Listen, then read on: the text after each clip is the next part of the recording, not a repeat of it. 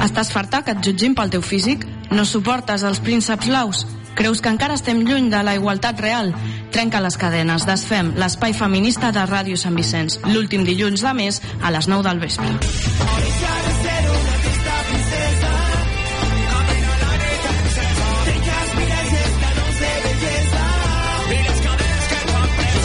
fins on vulgui, completa sense ningú més. Bona nit, benvingudes de nou al Desfem. Cansades de missatges d'odi, d'autobusos transfòbics i de reduccionismes, en aquest programa parlarem de persones transgènere i de la qüestió trans.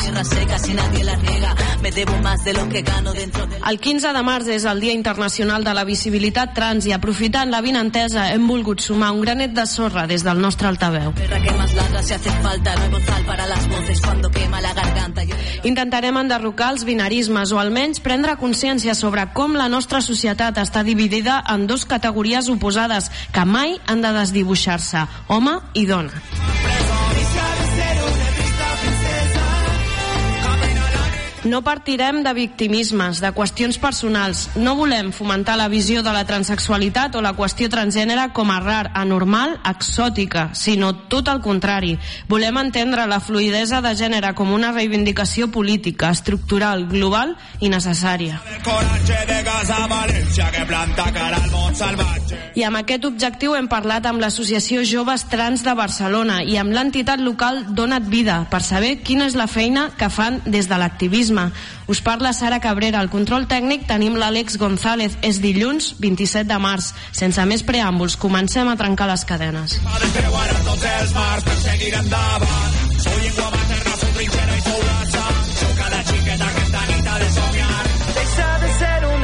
princesa.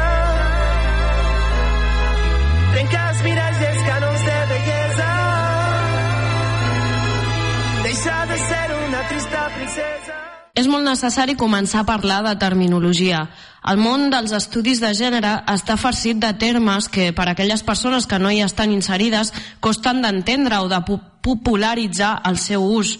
Per això hem volgut començar aquest desfem amb l'explicació de tres termes claus, cis, trans i queer Podríem haver escollit molts més, però no em dóna la gana. Sovint ens allunyem dels termes nous perquè ja estem bé com estem i ens sonen molt estranys. No hi ha res més estrany en aquesta vida que la immobilitat imposada. No voler entendre i utilitzar termes nous és sinònim d'intransigència i atabalar-vos amb termes nous en anglès, que no és casual l'idioma, és fomentar encara més la raresa al voltant de les realitats que no s'adiuen amb la normalitat establerta. Així que comencem.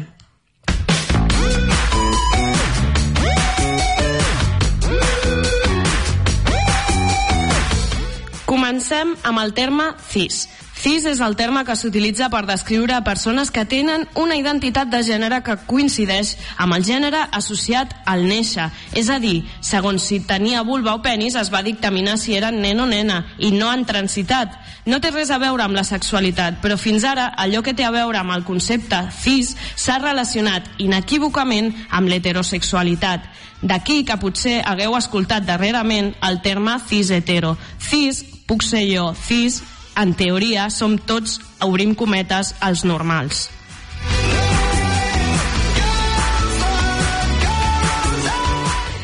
I ara la qüestió trans. El concepte trans fa referència a les persones que al llarg de la seva vida transiten dins la seva identitat de gènere.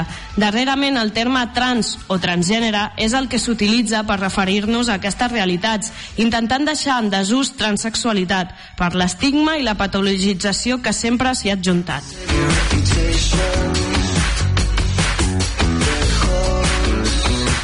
I per últim, queer, en anglès, queer significa desviat, rar, invertit, travesti, maricaloca, friki. És un terme que es defineix com el contrari d'allò recte, allò torçat, que va en contra de la norma o d'allò que és normal.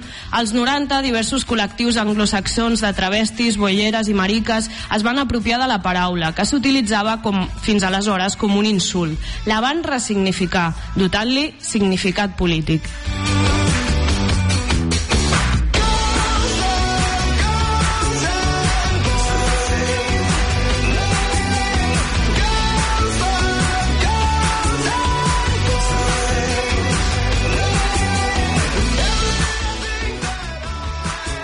Arribats a aquest punt, segur que moltes no us heu vist representades per aquestes etiquetes, o potser sí, però no totalment, i és que la majoria no ens adequem a allò establert com a normal. Normal és violència, és fer encaixar per les mateixes normes tota la població. Normal és heteronormativitat, és imposar maneres d'estimar, de viure la pròpia corporalitat i de, i de relacionar-se. Normal és capitalisme, Normal és xenofòbia. Normal és un programa de milavadora. Aquest és el títol de la cançó que tot just escoltareu ara de Viruta FM. Gaudiu-la.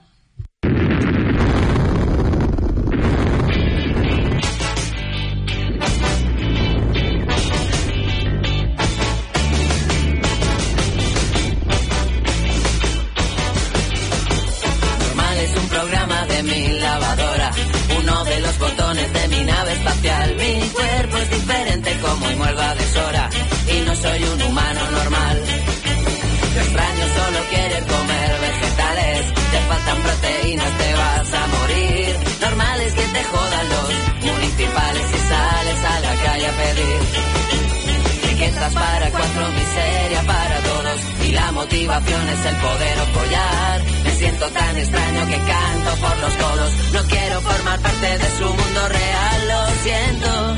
Pero yo vengo de Marte para regalarte lo raro que soy. No quiero heteronormativizarte. Mira que tienes arte. ¿Dónde vas? Yo voy.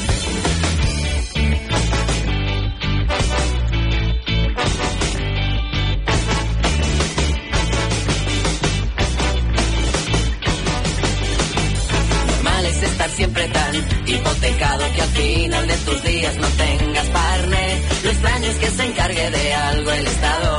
Educación gratis para qué. Normal es que el machismo no se pase de moda. Normal es que si enfermas no tengas que pagar. Lo extraño es que el gran día no sea el día de tu boda y tu sueño la maternidad. El capitalismo, la tele basura, el winner o de American Dream. Lo siento, no aguanto me vuelvo a la luna. No puedo quedarme, me voy de Madrid, lo siento, pero yo vengo de Marte. No quiero secuestrarte,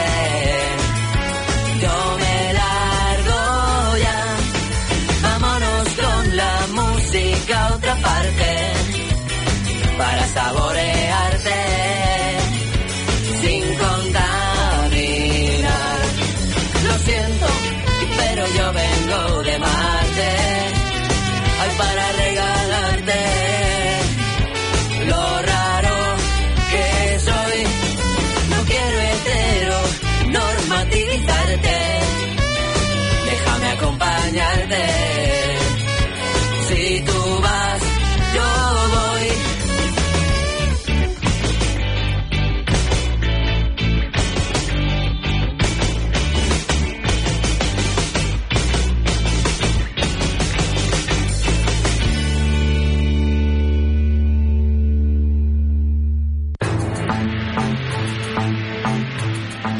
Estàs escoltant Desfem, l'espai feminista de Ràdio Sant Vicenç.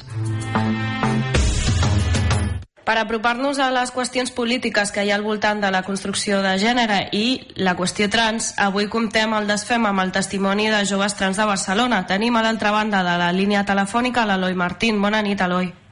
Bona nit. Aquest mes eh, és el Dia Internacional de la Visibilitat Trans. Heu preparat alguna activitat en el marc d'aquest dia eh, des de joves trans de Barcelona, des del de vostre col·lectiu?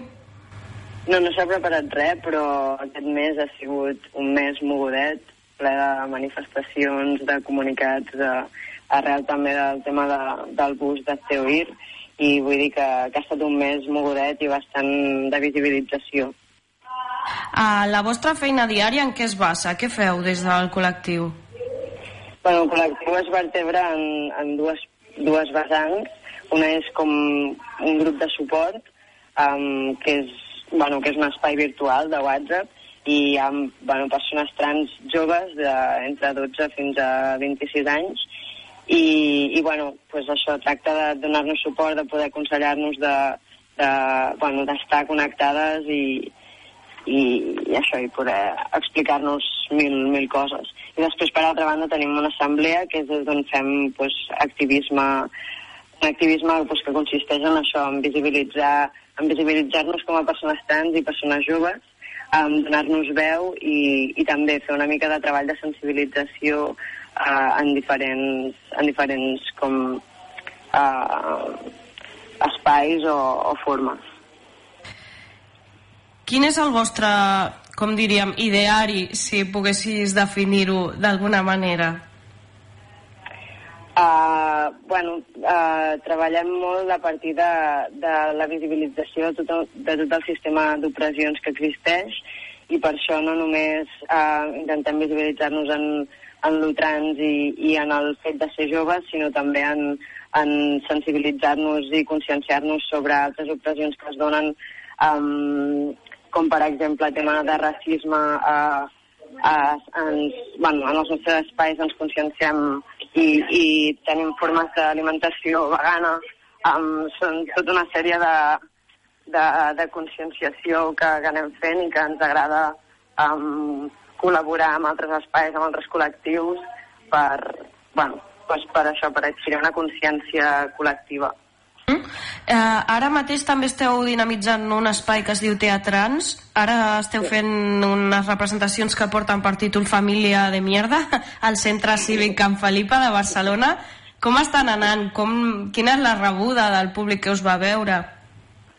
Bueno, aquesta, aquesta, aquest espectacle um, l'hem representat dues o tres vegades uh, i ha tingut diferents rebudes um, totes des d'un de, des un, un voler posar-se al nostre lloc, de voler entendre, um, es genera com una mica d'impacte, no?, perquè, bueno, el teatre de l'oprimit um, va de, de mostrar escenes de, en què en què s'exerceixen violències o que hi ha opressions i s'intenta pues, a substituir uh, el personatge que sigui el, la persona del públic intenta substituir un dels personatges i és aquí on, on s'adonen del que implica uh, la violència que reprodueix. Um, I és això, sempre s'ha rebut molt bé, um, a la gent la, la prepa una mica més en aquesta realitat, encara que a vegades des de nosaltres ens, ens insatis... no, no ens satisfà del tot perquè no s'acaba mai d'aprofundir i t'adones que, que costa molt que la gent prengui consciència del que implica um, tenir una família de mierda uh -huh. i ser trans en una família de mierda. Uh -huh. uh, amb aquest, mm, aquesta tècnica del teatre de l'oprimit també s'utilitza en altres qüestions. Creus que fomenta una mica el que s'anomena empatia o que és impossible arribar a posar-se del tot en el lloc de l'altre, en, en la qüestió trans, per exemple? Um, bueno, sempre hi ha un debat um, que també s'ha donat també en els nostres assajos i és el, el que discutim que una persona que no té una experiència trans mai pot acabar de posar-se en el lloc d'una persona trans i, i és més, no pot intentar com um, parlar des d'aquest lloc perquè bueno, és, és el conflicte que ens, que ens genera una mica de, de que algú sis, um, una persona que no és trans uh, substitueixi un personatge d'algú que és trans um, per nosaltres arriba un punt que, que no té sentit perquè, perquè no és així, no? I, però sí que és veritat que, que sí que dona um, lloc al debat, també amb molta gent doncs, dona lloc a que es, es pugui visibilitzar precisament la dificultat que és de, de viure una experiència trans um, uh -huh. i, bueno, sí, sí, una mica sí que, que dona espai perquè a més a més puguem, bueno, es pugui percebre el, el complicat que és. Uh -huh. Però sí que és veritat que mai no, no és substituïble, uh -huh. per dir-ho d'alguna manera. Si canviem d'assumpte, a l'octubre el Departament de Salut de la Generalitat eliminava el diagnòstic psiquiàtric previ per poder accedir a un canvi de sexe o de gènere, no sé com dir-ho. En part va ser una fita aconseguida gràcies a la mobilització de la plataforma Transforma la Salut. Uh, ja vam parlar amb Generem de uh, quan estava aquesta campanya en marxa, vosaltres hi formàveu part. Heu fet seguiment per comprovar que no es continuïn donant processos de patologització de les persones trans o inter en l'atenció mèdica? bueno, com a joves trans um, ens hem allunyat bastant, no podíem assumir um, um, l'implicar-nos uh, de forma directa en la plataforma i sí que anem rebent els correus, sí que hem estat una mica al dia de, dels avenços que hi ha hagut, però no estem implicades directament. Però, bueno, creiem que encara hi ha com molta feina a fer. El clínic, que és l'hospital clínic on, on es tractava, ara potser no tant, però com on es tractava de forma patologitzant a les persones trans, um, potser li queda poca feina a fer ja, però tot i així encara hi ha, un, hi ha una, una forma que és interioritzada, transfòbica, de, de tractar les persones trans i d'oferir-los serveis. No? Per això ara Trànsit també um, és una plataforma que està donant molt de sí, que a més a més s'està visibilitzant molt i, i la veritat és que és, és una gran ajuda això. Amb aquest canvi que ha fet el Departament de Salut o rectificacions o accions concretes, si vols, que a vegades es donen des de les institucions, mmm, diríeu que hi ha al darrere un qüestionament del sistema binari de gènere o que és una qüestió de gràcies a la mobilització hi ha pressió i es canvien les coses? Um, crec que encara se segueixen perpetuant, uh, bueno, se segueix, se segueix perpetuant i reproduint el sistema dualista de gènere.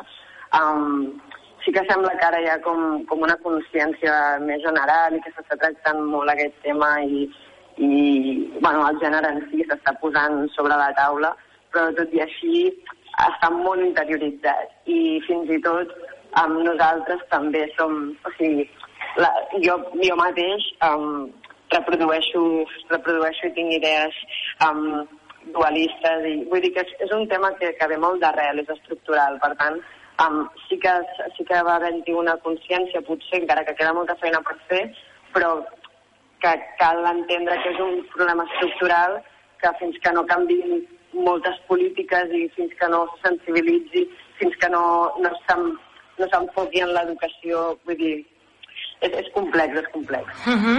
uh, aquests dies els mitjans han anat plens dels missatges transfòbics del bus de Azteoir, ens ho comentaves tu ja al principi, Eloi. Vosaltres vau estar a la mobilització en rebuig del bus que volia entrar a Barcelona. Creieu que molta de la gent que ha mostrat el seu rebuig entén el perill dels discursos com els de Azteoir? Ho dic perquè, tot i que ens ha sobtat molt i hi ha hagut molt rebombori mediàtic, de fet, són els discursos que sovint s'escolten pel carrer. Sí. Com sí, sí, sí. ho veus? Um, bueno, penso que, que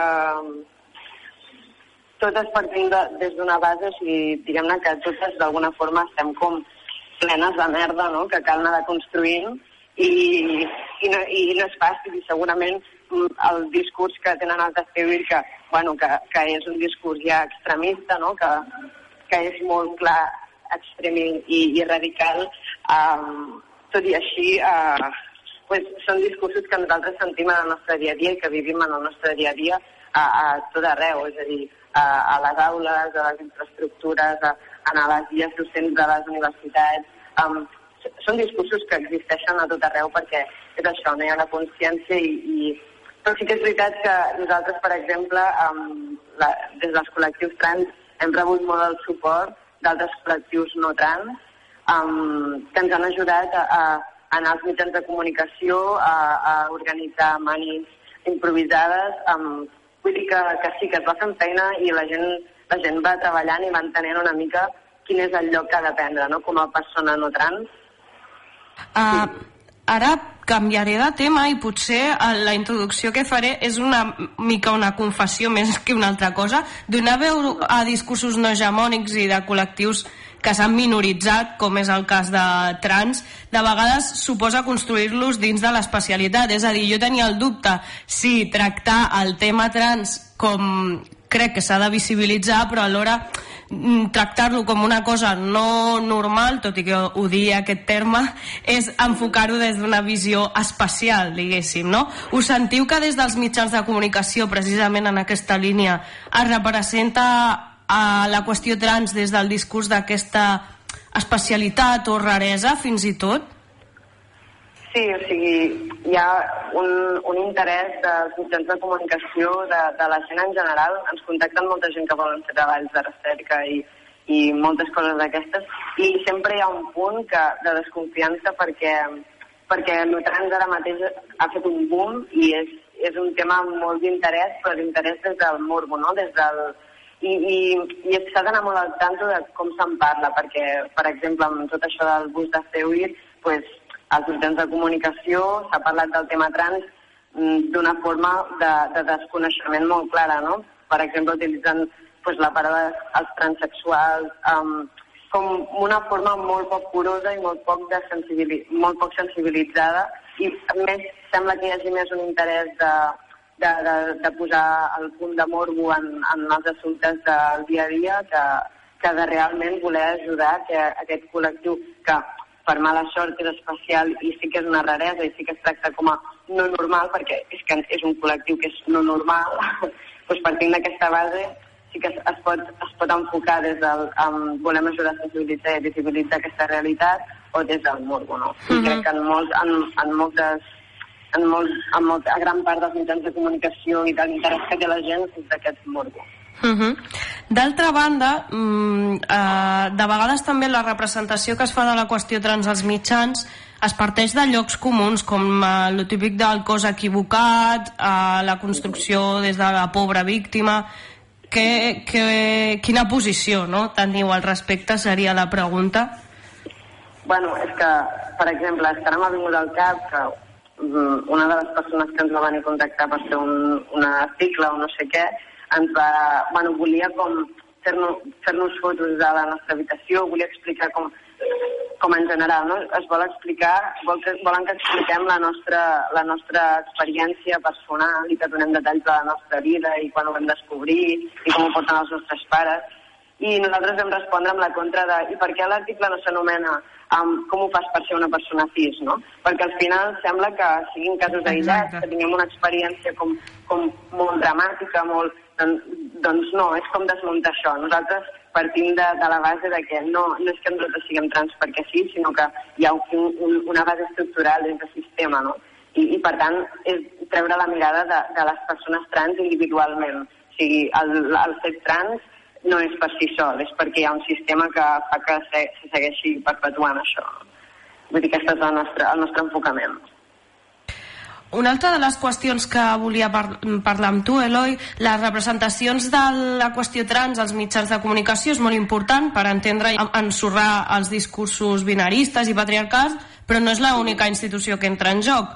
També com a mm, col·lectiu que us anomeneu joves, bueno, que us sou, que volia parlar la qüestió de, de l'educació, tot i que sigui una mica per sobre. Creieu que les escoles catalanes estan preparades per gestionar situacions com la que malauradament es va donar amb el cas de, del jove trans Alan?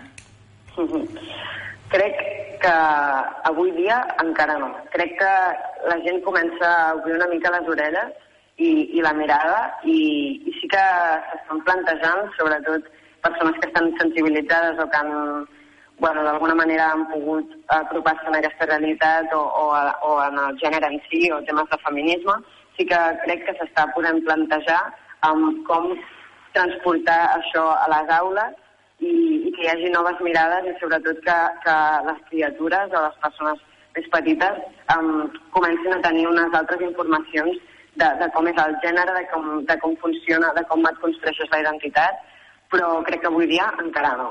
I, i se segueixen reproduint moltes violències a les aules per part del professorat, pel, bueno, perquè al final el pati de les escoles no deixa de ser un, un, una petita societat, un, un, un, un exemple de com és la societat, no? de, les, de les violències que reprodueixen, de, de què és normal i què no ho és.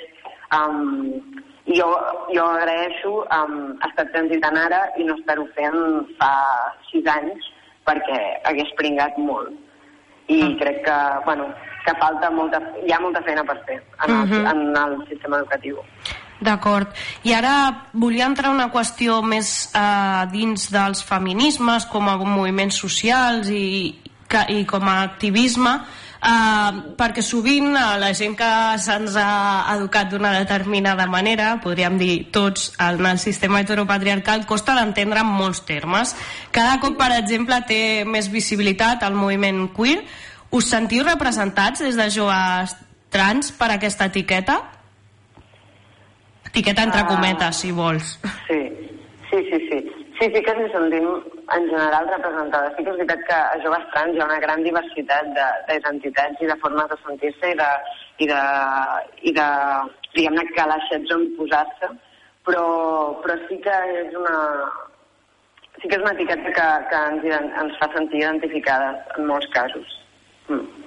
Uh, un altre dels termes uh, bueno, i de corrents diguéssim dins dels feminismes en plural que, que més s'està escoltant ara és uh, la qüestió dels transfeminismes de què parlem quan parlem de transfeminisme o quin és el tip uh, que l'ideari suposo que teniu des de joves trans en aquest sentit? Doncs realment és una gran pregunta i és un debat que està superobert jo encara no, no m'he posicionat respecte a això. Hi ha qui diu que el transfeminisme um, té, han de tenir la veu, ha de tenir la veu um, dones trans o persones trans femenines, um, que són les que han d'estar de, com al capdavant d'aquesta lluita i visibilitzar-se i, i, i tenir com... Um, bueno, i, i, i activar-se i estar com a la capçalera de, del transfeminisme. Llavors també hi ha una, molta gent que diu no, transfeminisme um, són, bueno, són persones trans que tenim una, una de les perspectives feministes i des d'aquí lluitem amb, en coherència amb això. No sé, és un debat molt obert, jo no sé massa com explicar-ho, segur que hi hauria gent que ho explicaria molt millor, uh -huh. um, però no sé. En tot cas, és, és s'ha de tenir en compte no? quan parlem de la qüestió trans des d'una perspectiva política. Uh, unes altres, um, un dels altres debats o coses que no acaben de quallar, si vols. Quan es mira el feminisme des de posicions molt hegemòniques és la qüestió dels espais mixtes i els espais no mixtes, l'etern mm. debat. Encara hi ha feministes que els hi costa d'entendre, com passa amb els homes al voltant dels espais no mixtes per dones lesbianes i, i trans de vegades, que hi ha espais en què les persones cis no hauríem de ser-hi, no? Uh, es donen situacions de poder en aquests espais per part de les feministes cis? Quina és la teva experiència o, o la vostra experiència compartida des de joves trans? Nosaltres, per exemple, quan hem organitzat cafetes o quan hem assistit a actes que, que també col·laboraven amb col·lectius feministes o assemblees feministes uh, de, de gent cis, um, realment ho hem viscut molt bé perquè, perquè les hem sentit com a sis aliades, que diem nosaltres, no? Um, és com que en aquests espais la gent cis ha sabut on col·locar-se i ha sabut quin era el lloc que havia de prendre. Per tant, nosaltres hem tingut, de moment, estem tenint molt bones experiències amb aquests espais, que, que sí que ja són uns espais que es, es predisposen a una certa sensibilitat, perquè són, són temes de, en què es té molta cura i es té consciència tot i que, bueno, en tots els espais passen coses, però, uh mhm. -huh. però hem tingut bones experiències, sí. D'acord. Una pregunta també potser una mica conceptual i difusa, però que crec que l'he de fer.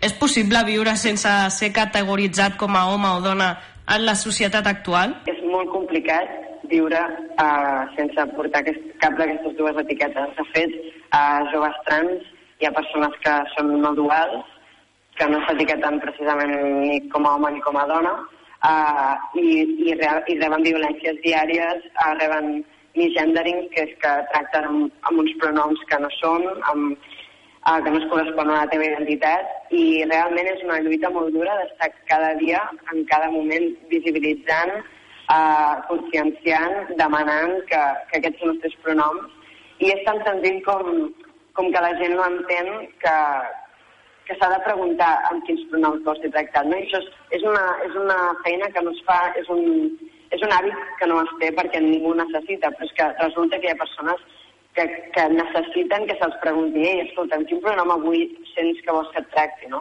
I, i és, és, realment és, és molt dur. I també és dur viure sota aquestes etiquetes sense sentir-t'hi del tot. Però bueno, això ja és un altre tema. Però sí que és veritat que les persones no duals um, o amb gènere fluid um, és, és, encara s'hi afegeix un plus més gran de, de, bueno, de dur del dia a dia. uh, ho introduïes, uh, Eloi, tu una mica quan t'he fet la pregunta sobre transfeminismes, però mm, la masculinitat hegemònica es pot reproduir, tot i considerar-se trans o haver dut a terme un procés de, de gènere fluid, diguéssim? Totalment. És que, de fet, el, el, hi ha un debat també sobre si en espais no mixtes, mm, de, o sigui, espais feministes no mixtes, si, si nois trans o persones trans masculines hi haurien d'entrar. Hi ha molta gent que diu que sí, que com a persones trans que també reben violències i que són minoria i que necessiten estar en, espais de seguretat, um, creuen que sí que han d'estar en espais no mixtes, però hi ha persones que diuen no, no, és que jo com a home um, surto al carrer i em presento com a home i per tant estic com reproduint o tinc certs privilegis que, que, que no tenia abans pel, pel fet de que se'm llegís com a dona, no? Um, i, I per tant sí que és un, de, o sigui, és un debat perquè, um, perquè no tothom que fa un, un trànsit, no tothom que, que fa, no, no, tothom, no tots els mestres que fan un trànsit vol dir que ja s'han treballat una masculinitat que no sigui l'hegemònica i que no reprodueixin violències amb això, no? No, no té res a veure. Sembla que, que pel fet de transitar de tenir una consciència clara del que és el gènere i del que són les violències, però no té per què tampoc. Finalment, Eloi, eh, eh, a caire una mica de conclusió, i bueno, tu ja em diràs si et ve de gust o no, eh, socialitzar-se en un sistema heteropatriarcal i transfòbic fa que la gent cis de vegades no ens adonem de quines opressions us fem patir. Lluny d'exculpacions victimistes, què ens diríeu? Quina pregunta més complicada. Doncs, primer de tot, jo crec que, que el que falta molt és consciència, és informar-se.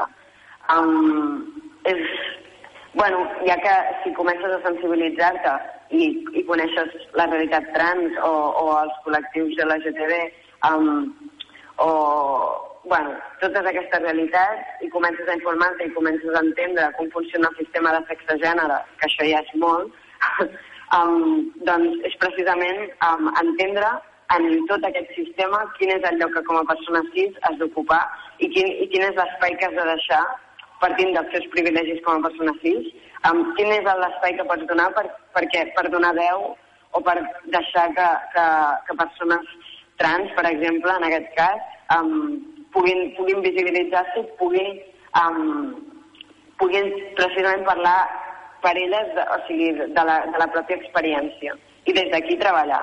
Però no, és, és molt important saber quan no t'has d'apropiar d'una lluita, no? I és una cosa que, que per exemple, en, en, en tot això del bus, del bus de Theory um, ens hem organitzat també amb, amb la crida a LGTB i tal, ens vam organitzar i es va fer com, com una assemblea i, i realment aquí ja es va veure també per, com per enèsima vegada que el tema trans sempre ha d'anar acompanyat d'altres lletres, no? Sembla que el tema trans per si sol no, no tingui prou, prou base o no sigui prou important com per visibilitzar-se i és precisament això, no? Prendre consciència que, que, que és, és, és, és important, és de dia a dia i és necessari um, saber quin paper ocupar com a persona cis. Uh mhm. -huh.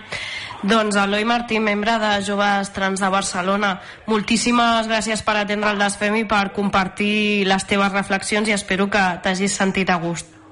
I tant, moltíssimes gràcies a vosaltres. Estàs escoltant Desfem, l'espai feminista de Ràdio Sant Vicenç.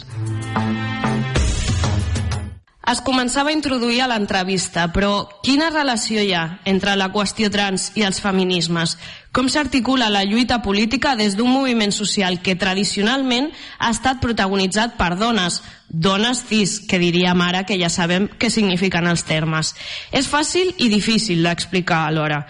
El sistema binari s'imposa violentament sobre tots els cossos. El teu també va ser diagnosticat com de nen o de nena quan vas néixer. La pressió contra aquells que s'allunyen de la norma és necessària per mantenir els privilegis de gènere. Aquí, la lluita trans i els feminismes s'entrecreuen i emergeixen la possibilitat d'una lluita comuna. Abans passava quan naixia un nadó i el metge mirava entre les cames. Ara ni tan sols cal que neixi. Basta amb un ecògraf perquè es produeixi la sentència performativa.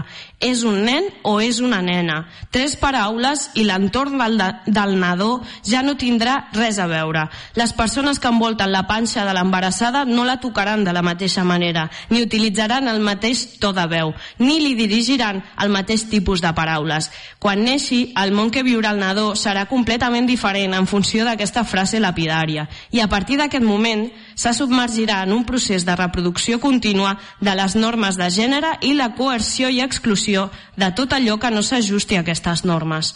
Abans que comenci a caminar, el sistema heteronormatiu ja estarà funcionant per orientar el nadó en la direcció adient. Rosa per elles, blau per ells, nines per elles, cotxes per ells. Potser durant la infantesa poden haver-hi nens o nenes amb expressions de gènere diferents de la norma que siguin tolerades pel seu entorn fins a certa edat, però en el pitjor dels casos poden acabar patint assetjament escolar o si la seva expressió de gènere és massa diversa, a la consulta del psicòleg de l'escola o del psiquiatre.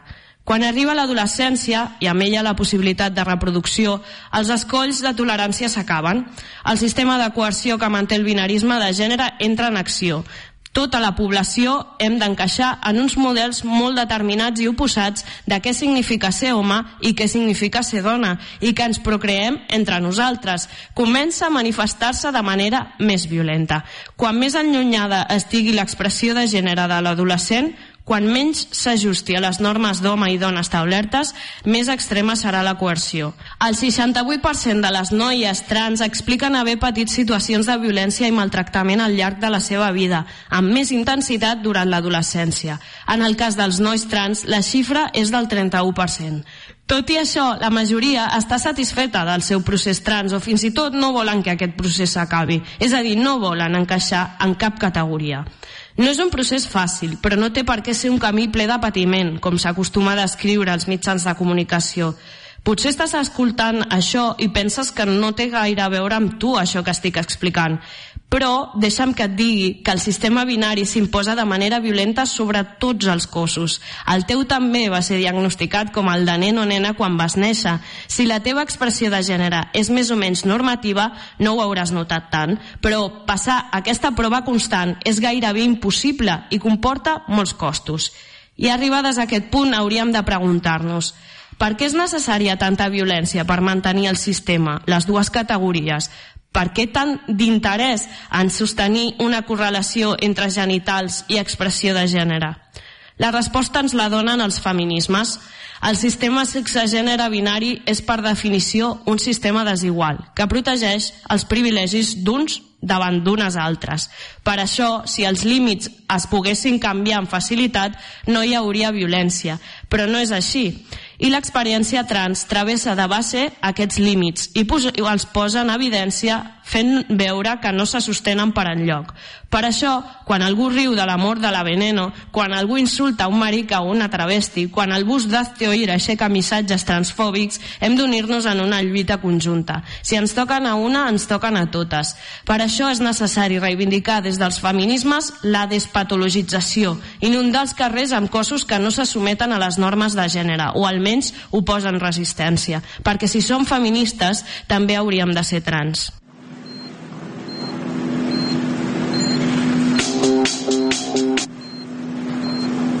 ¿Ocurre algo, doctor? No, no, en absoluto. Van a tener un niño. Felicidades. Qué raro. Siempre pensé que sería una niña.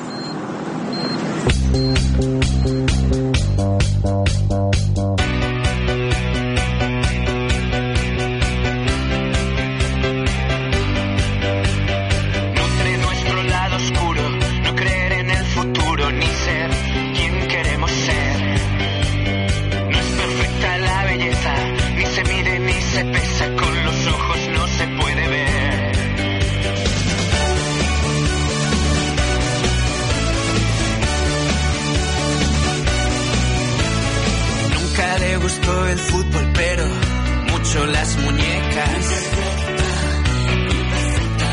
Siempre quiso ser princesa con los labios de fresa.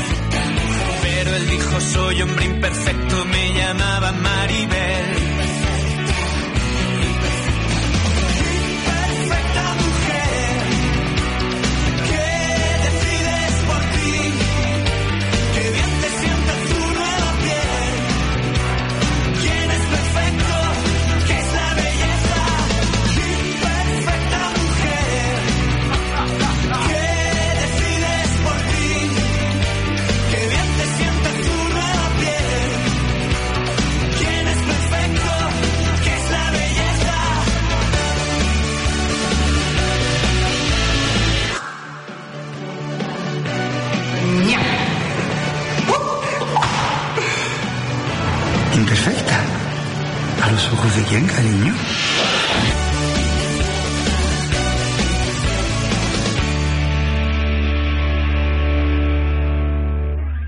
La cançó que acabeu d'escoltar és de Víctor Naranjo i es diu Imperfecta Mujer. Intenta reflexionar en to humorístic dels estereotips de gènere i de la violència que s'exerceix sobre les persones trans. Precisament des d'aquesta perspectiva treballa l'associació Donat Vida. Tenim a l'altra banda del telèfon a una de les seves membres, Natàlia Marín, membre de Donat Vida. Bona nit. Bona nit.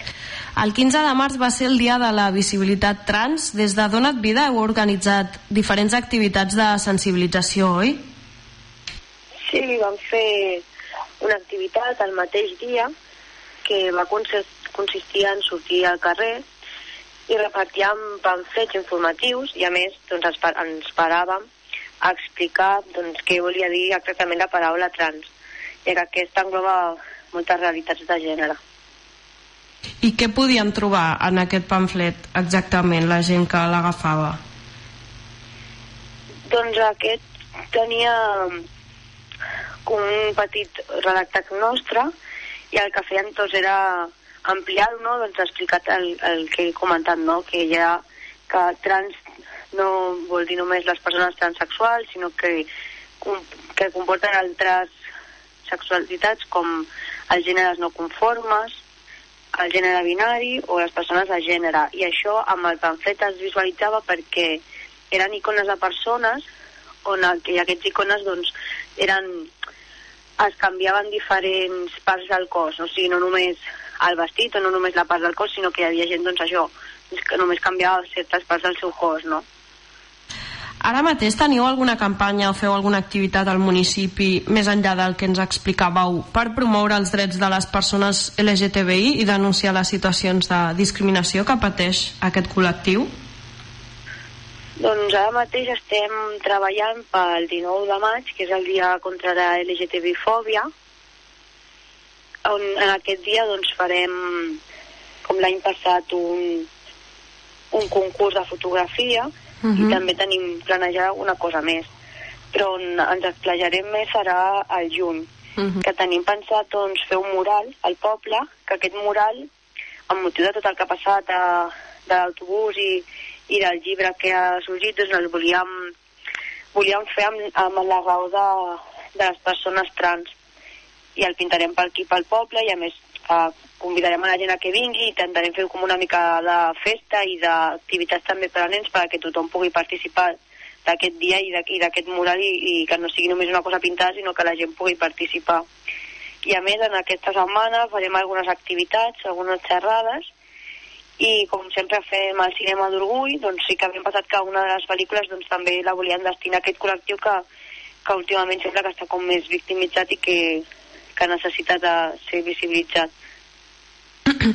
Ho comentaves, ho introduïes tu, el tema del bus transfòbic d'Azteoir i, i també les publicacions que han anat repartint per, les escoles, per algunes escoles d'Espanya. De, eh, va voler entrar a Barcelona el 16 de març per pallejar. Des de Donat Vida vau estar donant suport a alguns membres a la mobilització convocada pels ajuntaments de Sant Vicenç i Pallejà però més enllà d'aquesta mobilització creieu que els discursos extremistes d'Azteoir s'escolten en d'altres àmbits amb més repercussió mediàtica? Vull dir que de vegades sembla mm, que per això han tingut tant rebombori perquè són, doncs això, molt extremistes però després no dista molt dels discursos que s'escolten al carrer en, al voltant de les persones trans. No sé com ho veieu.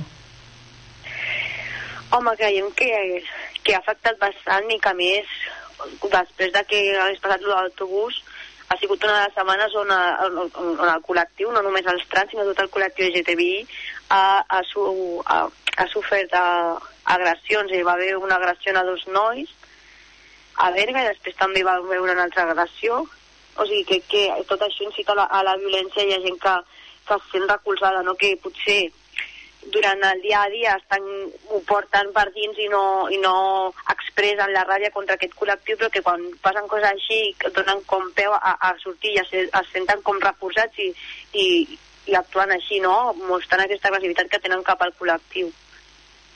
Uh, Natàlia, un altre dels punts claus per començar a, a canviar no? algunes perspectives al voltant de, del gènere són les escoles. Feu alguna activitat a, amb els centres educatius de Sant Vicenç per promoure doncs, això, una altra visió no tan binarista o tan estereotipada de, de la transexualitat de, o del component trans, no només la transexualitat?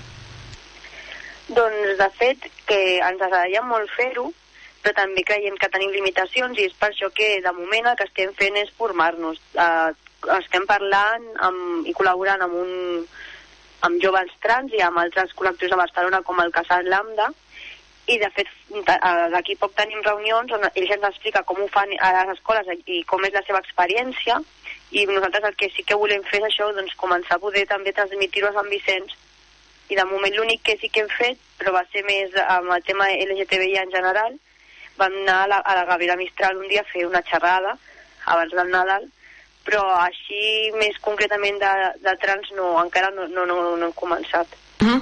I quines van ser les reaccions de, dels joves quan veu fer aquesta xerrada?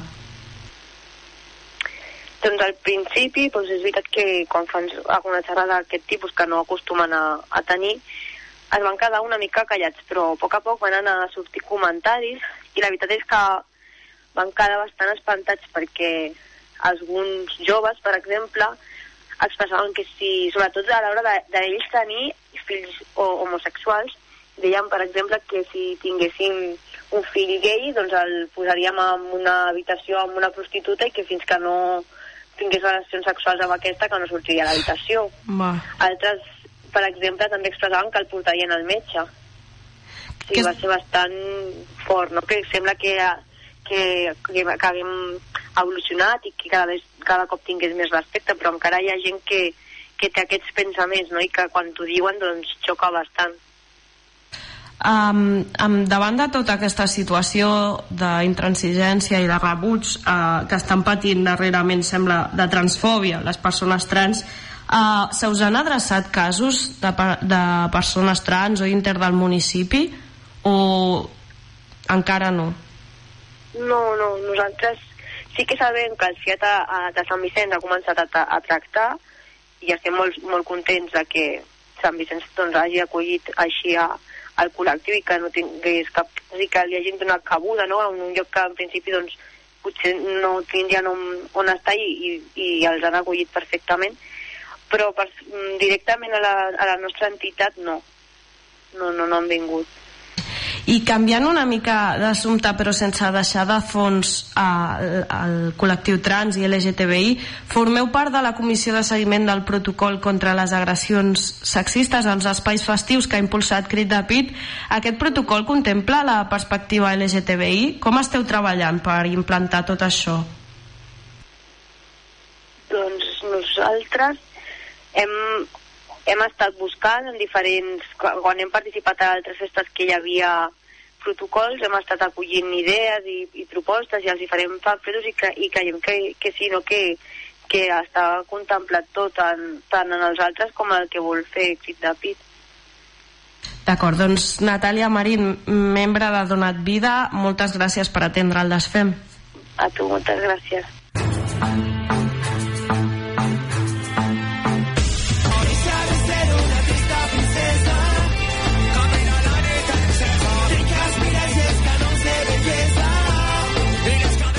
Fins aquí el desfem del mes de març. Espero que us hagi servit per obrir les vostres ments a d'altres maneres d'estimar, viure el cos i entendre que cap persona no s'ajusta a les normes binaristes de gènere. Que defensar el concepte trans és per moltes persones una qüestió de supervivència, però que hauria de ser per totes una reivindicació política capdalt. Tornem l'últim dilluns d'abril per seguir trencant amb les cadenes. Gràcies per la confiança. Res més. Salut i feminismes. Para las voces cuando quema la garganta y el reloj toca las